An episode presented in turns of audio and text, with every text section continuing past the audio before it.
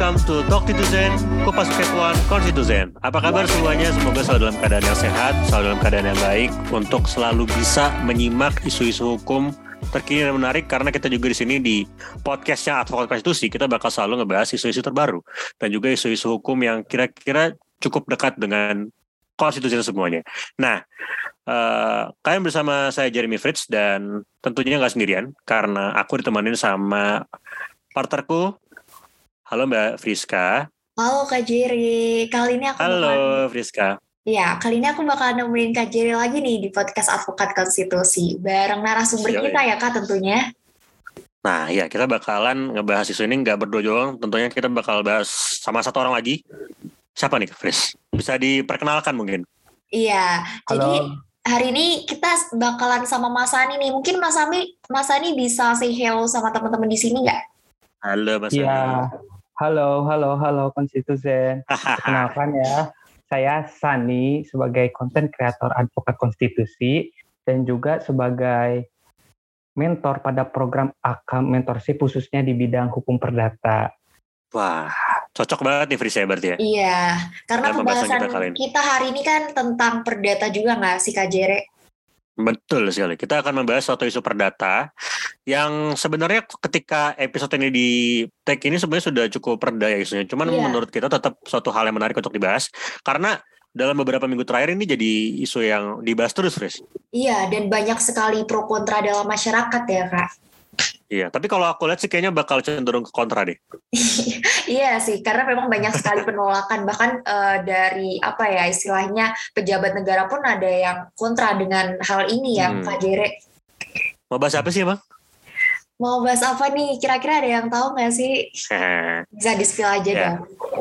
Jadi kita bakal Ayo. membahas mengenai pendaftaran Citayam Fashion Week oleh uh, apa ya sebetulnya oleh artis selebritis Indonesia. Ini menggeparkan karena bagaimana bisa CFW yang apa ya merupakan suatu komunitasnya yang dibuat oleh anak-anak Citayam bisa seakan-akan tuh diakuisisi gitu, seakan-akan di dicuri gitu atau seakan-akan diaku-akuin oleh orang lain kayak gitu, Fris. Akan diklaim nah, gitu ya, Kak? Dia seakan-akan diklaim. Cuman uh, uh, mungkin Friska bisa jelasin sedikit nih mengenai Citayam Fashion Week. Barangkali konstitusi tuh ada yang selama ini nggak buka handphone ke tentang CFW gitu kan. Mungkin Friska bisa jelasin dulu sih apa sih sebenarnya CFW itu? Iya sebenarnya CFW ini memang belakangan sangat uh, ramai sekali diperbincangkan ya. Mungkin memang sekarang sudah mulai mereda karena memang sudah dibubarkan ya. Uh, tapi sebenarnya CFW itu asalnya kayak gimana sih? Mungkin di sini ada barangkali ada teman-teman yang belum tahu. Jadi eh, CFW itu berawal dari anak-anak yang nongkrong di SCBD nih kak. Siapa sih yang nggak tahu hmm. SCBD daerah Sudirman Central Business District itu kan sebenarnya dari awal memang sudah ramai sekali ya karena memang kawasan perkantoran. Jadi memang memang dulunya ini ramai karena memang karyawan yang lalu lalang pulang pergi ke kantor. Nah, kemudian ada salah satu video yang viral tuh uh, ngewawancarain si JJ ini. Jadi mungkin teman-teman di sini sudah sempat dengar siapa ini JJ. Jadi ya sebenarnya dia stranger yang nggak sengaja diwawancarain dan kebetulan mungkin mirip salah satu selebgram di Indonesia. Jadi uh, mungkin itu salah satu penyebab video ini viral. Nah karena viralnya video itu, makanya daerah SCBD ini makin ramai dikunjungin oleh anak-anak nih kak, anak-anak Citayam dan hmm. mungkin sekitar-sekitarnya. Jadi sebenarnya CFW ini berawal dari situ sih, anak-anak yang nongkrong di situ dan mungkin pakaian mereka yang nyentrik-nyentrik kayak gitu ya. Jadi sebenarnya ini hal yang menarik sekali sih buat dibahas. Mungkin kalau diceritakan secara singkat CFW asalnya kayak gitu sih kak Jerry. Hmm, oke okay, oke. Okay. Hmm. Uh, mungkin di sini Mas Ani juga nyimak ya mengenai kronologinya. Sebenarnya kalau kronologi yang aku tahu itu kan sebenarnya ya CV ini viral banget di internet. Orang-orang pada mau ke sana semuanya. Kebanyakan tuh konten uh, kreator TikTok. Nah kemudian uh, aku tuh nyimak juga prosesnya uh, selama beberapa waktu itu. Ada artis-artis yang juga mampir. Salah duanya adalah sepasang artis yang kita bicarakan ini. Nah tiba-tiba mereka uh, keesokan harinya ternyata ada isu-isu kalau mereka hendak mendaftarkan CFW ini sebagai merek gitu. Jadi uh, mengenai merek ini kan sebenarnya jatuhnya ke hak ya ini juga keperdataan. Nah ini tuh tentu menjadi apa ya membuat masyarakat jadi berpikir kayaknya kok rakus banget jadi orang gitu kan maksudnya banyak yang merundung artis ini pada akhirnya uh, walaupun setelah uh, berjalannya waktu mulai pada apa ya uh, si artis ini juga ngasih ngasih kejelasan gitu. Kalau ternyata dia itu, sebenarnya sebenarnya niatnya nggak gitu nggak nggak ingin mencuri kok. Sebenarnya pengen menjadikan chef ini sebagai aset atau apa gitu. Nah cuman kan ini tetap menjadi hal yang akan menyentil gitu loh. Ketika kita tahu gitu seorang artis pengen ngerecokin bahasanya eh, permainannya anak-anak Citayam kayak gitu. Nah mungkin di sini Mas Ani juga nyimak sedikit tentang kronologi dari CV yang hendak didaftarkan sebagai merek ini Mas. Atau mungkin Mas Ani nggak ngikutin atau gimana nih Mas? Aku pengen tahu juga. Saya sedikit mengikuti sih, betul tadi kata Mas. Setelah hmm. viralnya CFV di sosmed dan banyak public figure yang ikut juga tampil mungkin di sana ya, itu hmm. merupakan permulaan CFV ini benar-benar semakin dikenal oleh masyarakat, gitu kan. Dan menurut pemberitaan juga si artis ini sebelum mendaftarkan ke Dirjen HKI katanya mereka bertemu dengan JJ Bonge dan kawan-kawan gitu.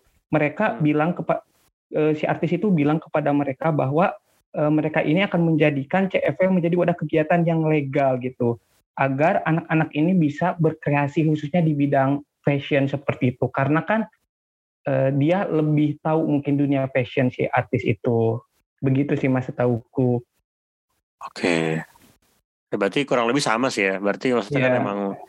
Mereka niat awalnya ya mendatangkan apa ya mungkin ingin mendatangkan legalisasi atau segala macam gitu kepada kepada mainannya mereka yang mana ini sebenarnya kan sebenarnya kalau menurutku ini komunitas yang berdiri dengan sendirinya terbentuk secara alami gitu ya.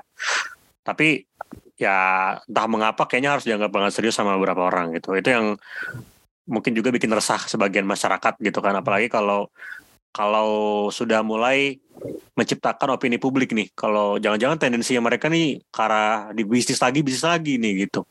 Itu sih ya, menurutku Iya, jadi uh, sebenarnya di, yang diperdebatkan di sini adalah pendaftaran merek CFW ini ya, uh, Kak Jerry dan Mas Ani. Uh, sebenarnya ya, memang pasti ada konsekuensi dari uh, didaftarkannya uh, CFW ini jika memang diterima kayak gitu. Nah mungkin Mas Hani, uh, Mas Hani dulu deh aku pengen nanya ke Mas Hani dulu. Sebenarnya dampak apabila pendaftaran merek CFW ini diterima apa sih Mas? Karena memang uh, setiap pendaftaran itu kan pasti ada konsekuensinya kan. Kayak misalkan nih uh, kita ngebahas tentang hak hak, uh, hak cipta ya misalkan salah satunya kalau misalkan ada buku kemudian itu di apa ya istilahnya diperbanyak tanpa seizin uh, apa sih penulisnya itu kan pasti ada konsekuensinya ya. Itu bisa dituntut secara perdata maupun pidana kayak gitu. Nah mungkin kalau pendaftaran CFW ini mungkin bisa dijelasin nggak mas konsekuensinya apa kalau misalkan pendaftarannya diterima? Oke. Uh, sebelum uh, saya menjelaskan secara poin-poin uh, mungkin saya akan menjelaskan mungkin sedikit ya teori mengenai apa ini hak merek begitu. Yeah. Nah, perlu perlu kita ketahui bahwa si hak merek ini merupakan domain dari hak kekayaan intelektual, di mana menurut peraturan perundang-undangan si hak ini adalah hak atas suatu ciptaan yang dihasilkan oleh seseorang dan memiliki nilai ekonomis, memiliki nilai ekonomis ya. Nah, dalam kepustakaan ilmu hukum juga si HKI ini digolongkan sebagai hak milik perorangan gitu yang tidak berwujud gitu. Dan hak ini bersifat khusus karena hanya diberikan kepada pemilik atau pemegang hak cipta gitu seperti itu. Kemudian si HKI juga memiliki nilai ekonomi dan uh, potensi finansial yang sangat besar gitu untuk pemilik maupun pemegang hak cipta. Nah, hak merek ini secara definisi mungkin uh, Masnya juga sudah ketahui bahwa uh, hak merek ini merupakan suatu tanda tertentu untuk membedakan dengan produk jasa yang lainnya. Hemat saya si CFW ini merupakan uh, jasa hiburan gitu, jasa hiburan dengan cara peragaan fashion gitu seperti itu. Nah, apabila pendaftaran ini diterima, mungkin uh, saya berasumsi apa yang akan terjadi ini seperti ini. Pertama, si pemilik atau pemegang hak merek ini akan memiliki hak eksklusif terhadap merek tersebut. Pemilik bisa mengatur atau memberikan lisensi begitu kepada pihak lain dan bahkan mengkomersialisasikannya. Benar gak, hmm. Mas dan Mbak? Ya kah? Melihat dari definisi definisi dari hak itu sendiri gitu. Kemudian yang kedua juga si merek CFW ini bisa mendapatkan perlindungan hukum dari Dirjen HKI yang mana secara hukum gitu menurut UU hak merek si merek ini bisa mendapatkan perlindungan hukum jika sudah didaftarkan ke Dirjen HKI karena sistemnya ini sistem konstitutif maksudnya eh, si merek ini nggak perlu diumbar ke publik gitu nggak perlu diumbar ke publik akan tetapi eh, didaftarkan saja gitu ke HKI maka itu bisa langsung mendapatkan perlindungan HKI. Sistemnya itu by request, by register gitu kalau nggak salah. Berbeda dengan hak cipta seperti lag, seperti buku gitu, yang mana si buku itu harus eh, dideklarasikan gitu. Maksudnya harus dibuat dalam bentuk buku, jangan hanya berupa ide-ide aja seperti itu. Kemudian yeah. yang ketiga CFW ini bisa apa mendatangkan manfaat ekonomis gitu kan baik bagi pemilik maupun uh, masyarakat masyarakat secara kan uh, apa FEW ini SCFW ini maaf mengundang uh, perhatian publik itu untuk datang.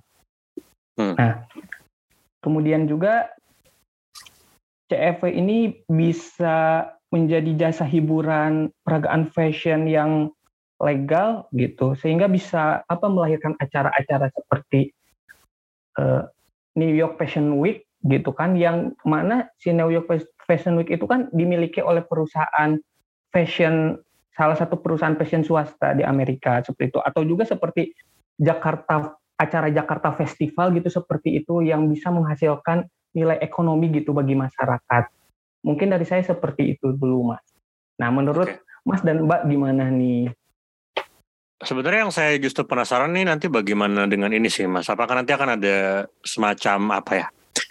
semacam jadi nanti akan ada persitega, uh, persetegangan antara si orang yang mendaftarkan merek itu yang mana itu kelompok artis ini dan juga mm-hmm. kelompok anak-anak Citayam. Apakah nanti bakal ada hak-hak anak Citayam yang terlanggar gitu? Apa kalau misalnya nanti ada satu artis mendaftarkan nama CFW sebagai merek seperti itu, apakah nanti berarti anak-anak ini jadi otomatis secara otomatis harus ngikutin segala apa yang diperintahkan oleh para pendaftar ini atau justru bagaimana gitu mas karena um, menurutku juga yang tercipta di masyarakat pada era opininya tuh kalau nanti yang daftarin itu kelompok artis ini berarti nanti cuan dan segala macam itu bakalan datang ke mereka bukan ke anak-anak ini gitu. Itu sih yang sebenarnya aku juga kepo. Apakah pendaftaran merek ini adalah hal yang baik untuk melindungi mereka atau justru uh, malah akan memecah mereka nantinya antara artis dan juga si anak-anak Citayam ya mas? Gitu mas yang aku kepo sih. Oke. Uh, kalau menurutku uh, di dalam apabila ada uang yang mengalir dari hasil hak merek atau hak kekayaan intelektual hak kita gitu biasanya kan ada lembaga manajemen kolek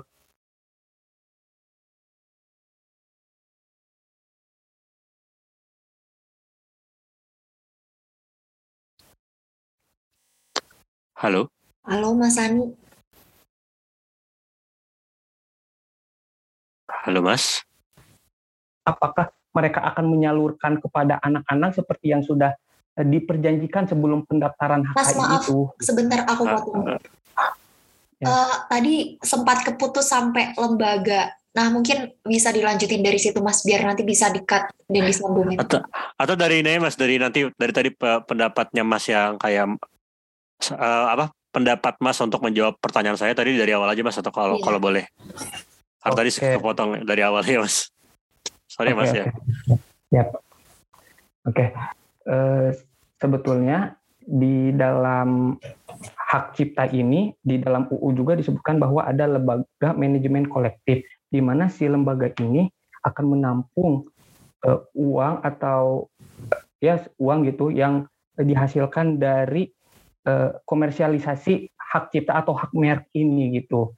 Yang mana nanti si lembaga ini yang akan mendistribusikan gitu kepada siapa saja nih uang ini bisa diberikan. Ya walaupun memang nggak bisa menjamin gitu kan, maksudnya nggak bisa menjamin uh, si artis ini akan memberikannya kepada siapa karena kan si lembaga manajemen kolektif ini mungkin uh, sesuai dengan permintaan pemegang hak cipta juga gitu. Ini akan disalurkannya seperti apa gitu. Tapi yang jelas ada manajemen atau ada lembaga khusus yang menyalurkan dana hasil komersialisasi hak merek atau hak cipta ini gitu seperti itu mas.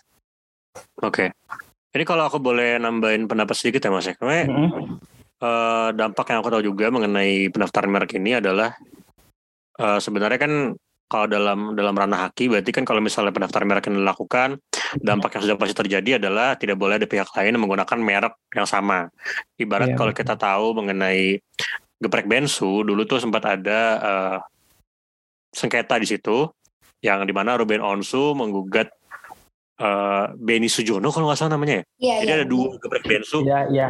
Mereka itu bersengketa. Nah, di sini justru yang menggugat itu kalau nggak salah dari pihak Ruben Onsunya kepada Beni Sujono. Padahal sebenarnya yang mendaftarkan terlebih dahulu atau memiliki uh, ide terlebih dahulu itu adalah si hmm. Beni Sujononya bukan gebrek Bensu gitu. Nah, cuman karena ada kedua karena ada dua merek yang berbeda itu mulailah terjadi sengketa karena sejatinya memang tidak boleh ada dua merek yang sama atau yang serupa itu terdaftar sama-sama di Aki atau apalagi berjualan di di di ranah yang sama juga sama-sama yang geprek kayak gitu kan. Nah CV nanti kalau dari yang kulihat juga dampaknya akan seperti itu. Tidak boleh ada orang yang menggunakan lagi nama CV, Cita Fashion Week. Nah, tapi kalau bisa disimpulkan ya, berarti kalau gitu permasalahannya hanya di nama saja kan? Artinya, ya. misal nanti CV didaftarkan, tidak ada lagi yang boleh menggunakan nama CV. Tapi kalau misal CV itu sendiri nggak ada orangnya, tapi mereka membuat suatu nama baru dengan cara baru di daerah baru, apakah itu akan nantinya bermasalah lagi? Kalau menurut saya enggak soalnya. Karena kan yang lingkup lingkup merek itu kan hanya logo, nama dan pada intinya hanya menggunakan hanya nama saja ya. Artinya apa pun yang terjadi di dalamnya, kalau nanti ada peniruan konsep yang serupa dengan CV, kupikir itu tidak akan menjadi masalah kepada orang yang memiliki merek itu gitu. Dapat ya maksudnya yeah. ya? Yeah, artinya yeah. artinya uh, tidak tepat kalau misalnya kita bilang nanti kalau misalnya CV daftarin berarti orang-orang ini nggak bisa show lagi nggak juga kalau mau tuh nggak karena CV ini kan hanya nama ya artinya nanti orang orang ini menyingkir dari nama CV dan nantinya pakai nama baru udah mereka mendapatkan CV lagi tapi dengan nama baru kayak gitu kalau gitu itu itu yang gue dapat sih jadi sebenarnya uh, CV ini hanya bermain di ranah itu aja. Dia hanya di ranah nama saja.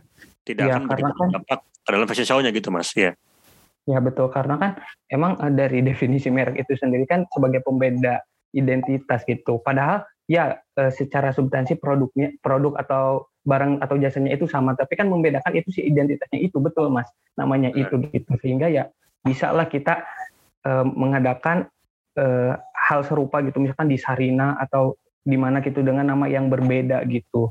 Jadi si acara yang CFW ini ya itu terserah mereka si artis itu gitu. Kalau misalkan diterima kalau misalkan mereka mau mengadakan acara ya berarti nama acaranya ya itu. Sedangkan kalau misalkan ada pihak lain mau mengadakan acara uh, fashion week gitu gitu kan yang apa yang dikomersialisasikan gitu.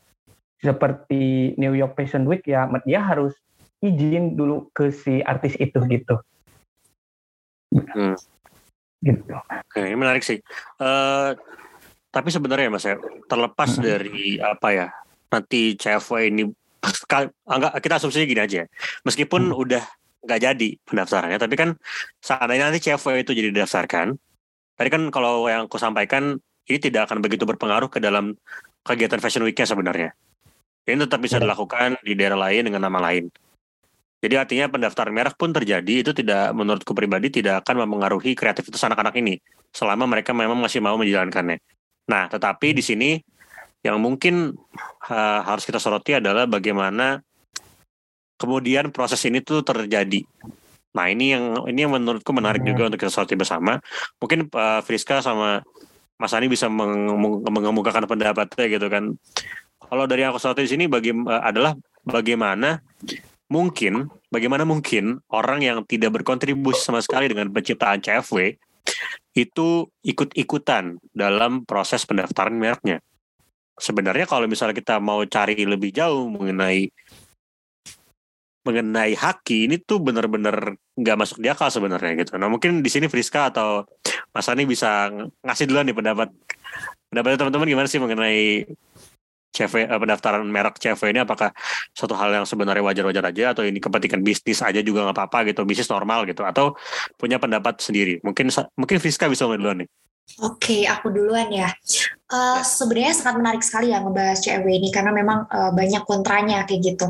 Nah, kalau menurut aku sendiri, tadi pertanyaan dari Kak Jere, uh, apakah bisa kayak gitu ya yang bukan pendirinya uh, istilahnya mendaftarkan kayak gitu. Kalau menurut aku sendiri, jujur uh, sebenarnya kalau mengacu pada undang-undang ya, di undang-undang uh, tentang merek itu sebenarnya kan yang hanya dijelaskan itu hanya pemohon dan pemohon di sini itu sebenarnya nggak ada spesifiknya apakah ini harus orang yang menginisiasi ataukah memang orang yang harus mendirikan atau apa. Jadi sebenarnya kalau menurut aku sendiri uh, sebenarnya bisa-bisa saja uh, yang bukan pendirinya pun itu mendaftarkan. Cuman kalau menurut aku itu sebenarnya nggak etis ya karena ya kita siapa kita nggak uh, kita nggak mendirikan kita nggak menginisiasi tiba-tiba mendaftarkan istilahnya kan kayak mengklaim lah istilahnya. Kalau menurut aku itu seperti itu.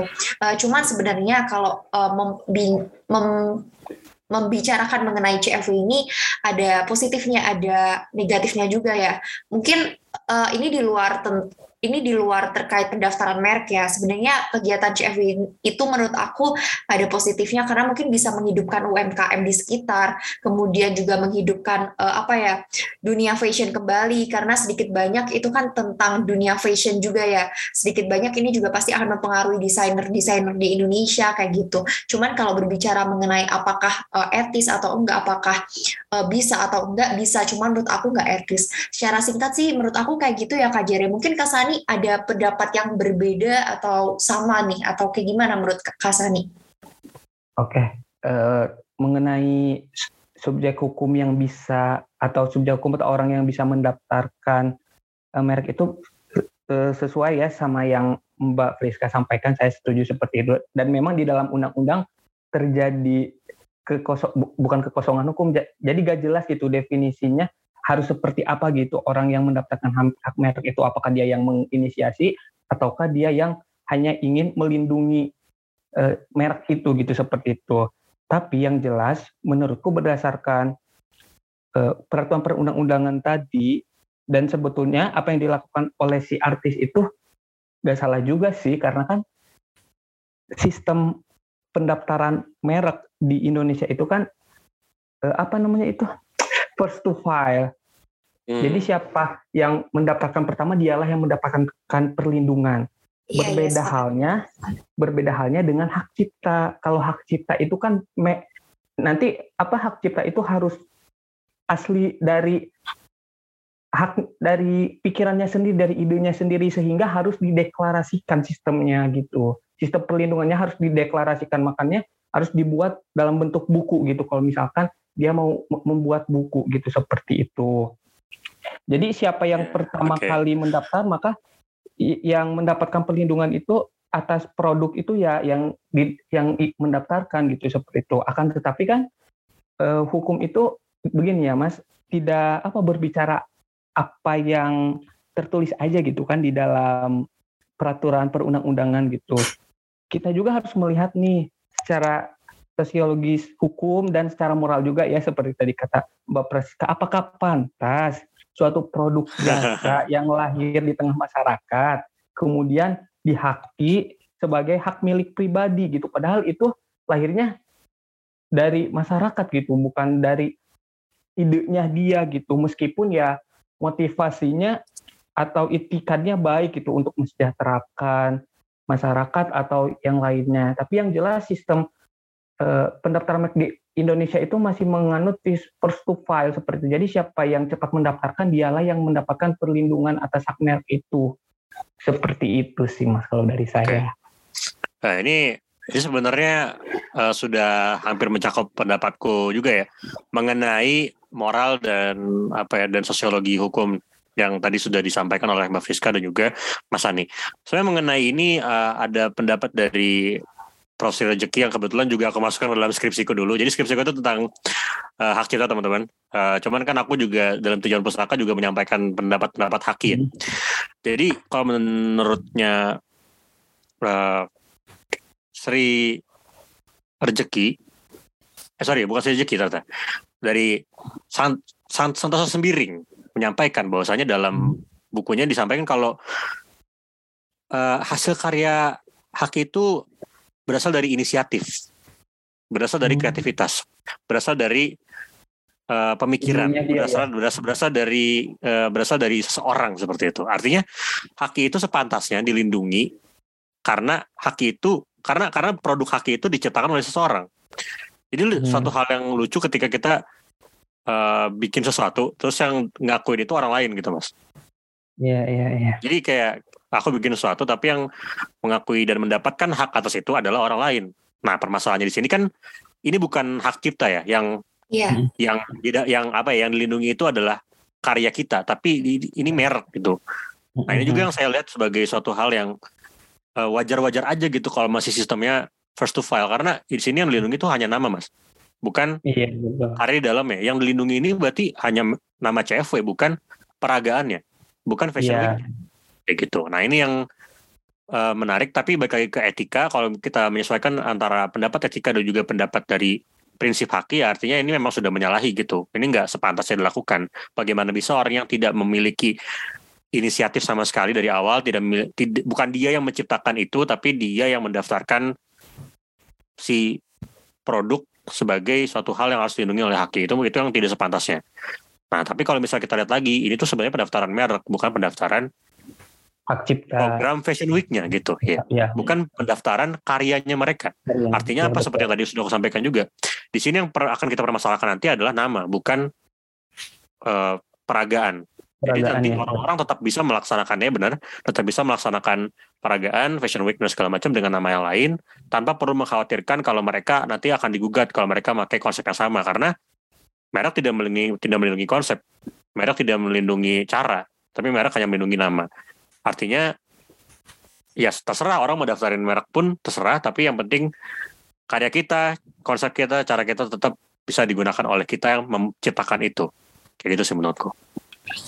Wah, ternyata banyak banget ya yang kita bahas hari ini Kak Jerry dan Mas Ani. Tadi kita sudah membahas tentang sejarah CFW itu bagaimana, kemudian kronologi pendaftaran hakinya seperti apa. Uh, tadi kita juga sempat membahas mengenai dampak apabila ini ya Kak, dampak apabila CFW ini didaftarkan, dampak untuk sekitarnya itu seperti apa. Banyak sekali ya Kak uh, insight-insight baru kita hari ini ter, uh, terutama terkait pendaftaran merek.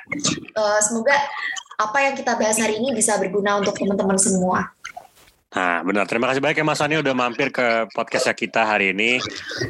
Iya. Nah, mungkin Mas Ani, Mas Ani, mungkin Mas Ani pengen ngasih ini nih, Fris, pengen ngasih sedikit kesimpulan mengenai pembahasan kita hari ini. Mungkin Mas Ani ada uh, wejangan juga gitu kepada konstitusen atau apa apa yang mungkin pengen Mas Ani sampaikan monggo Mas mumpung masih bisa Mas di sini Mas. Iya, silakan Mas. Uh, iya, begini dari saya sih terakhir eh, seperti tadi yang udah dibicarakan juga mungkin ya.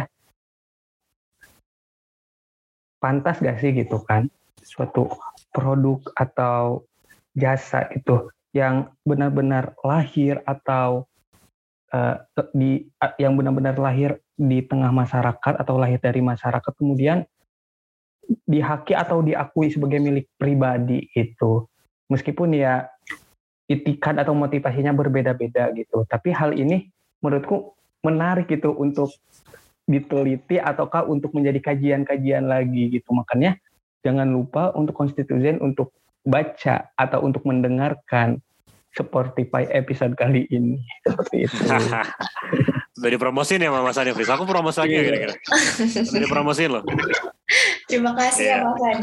Iya. Iya, itu dia dari Mas Ani teman-teman. Uh, aku sepakat banget sama Mas Ani dan aku juga sepakat kalau pembahasan kalian itu seru sebenarnya.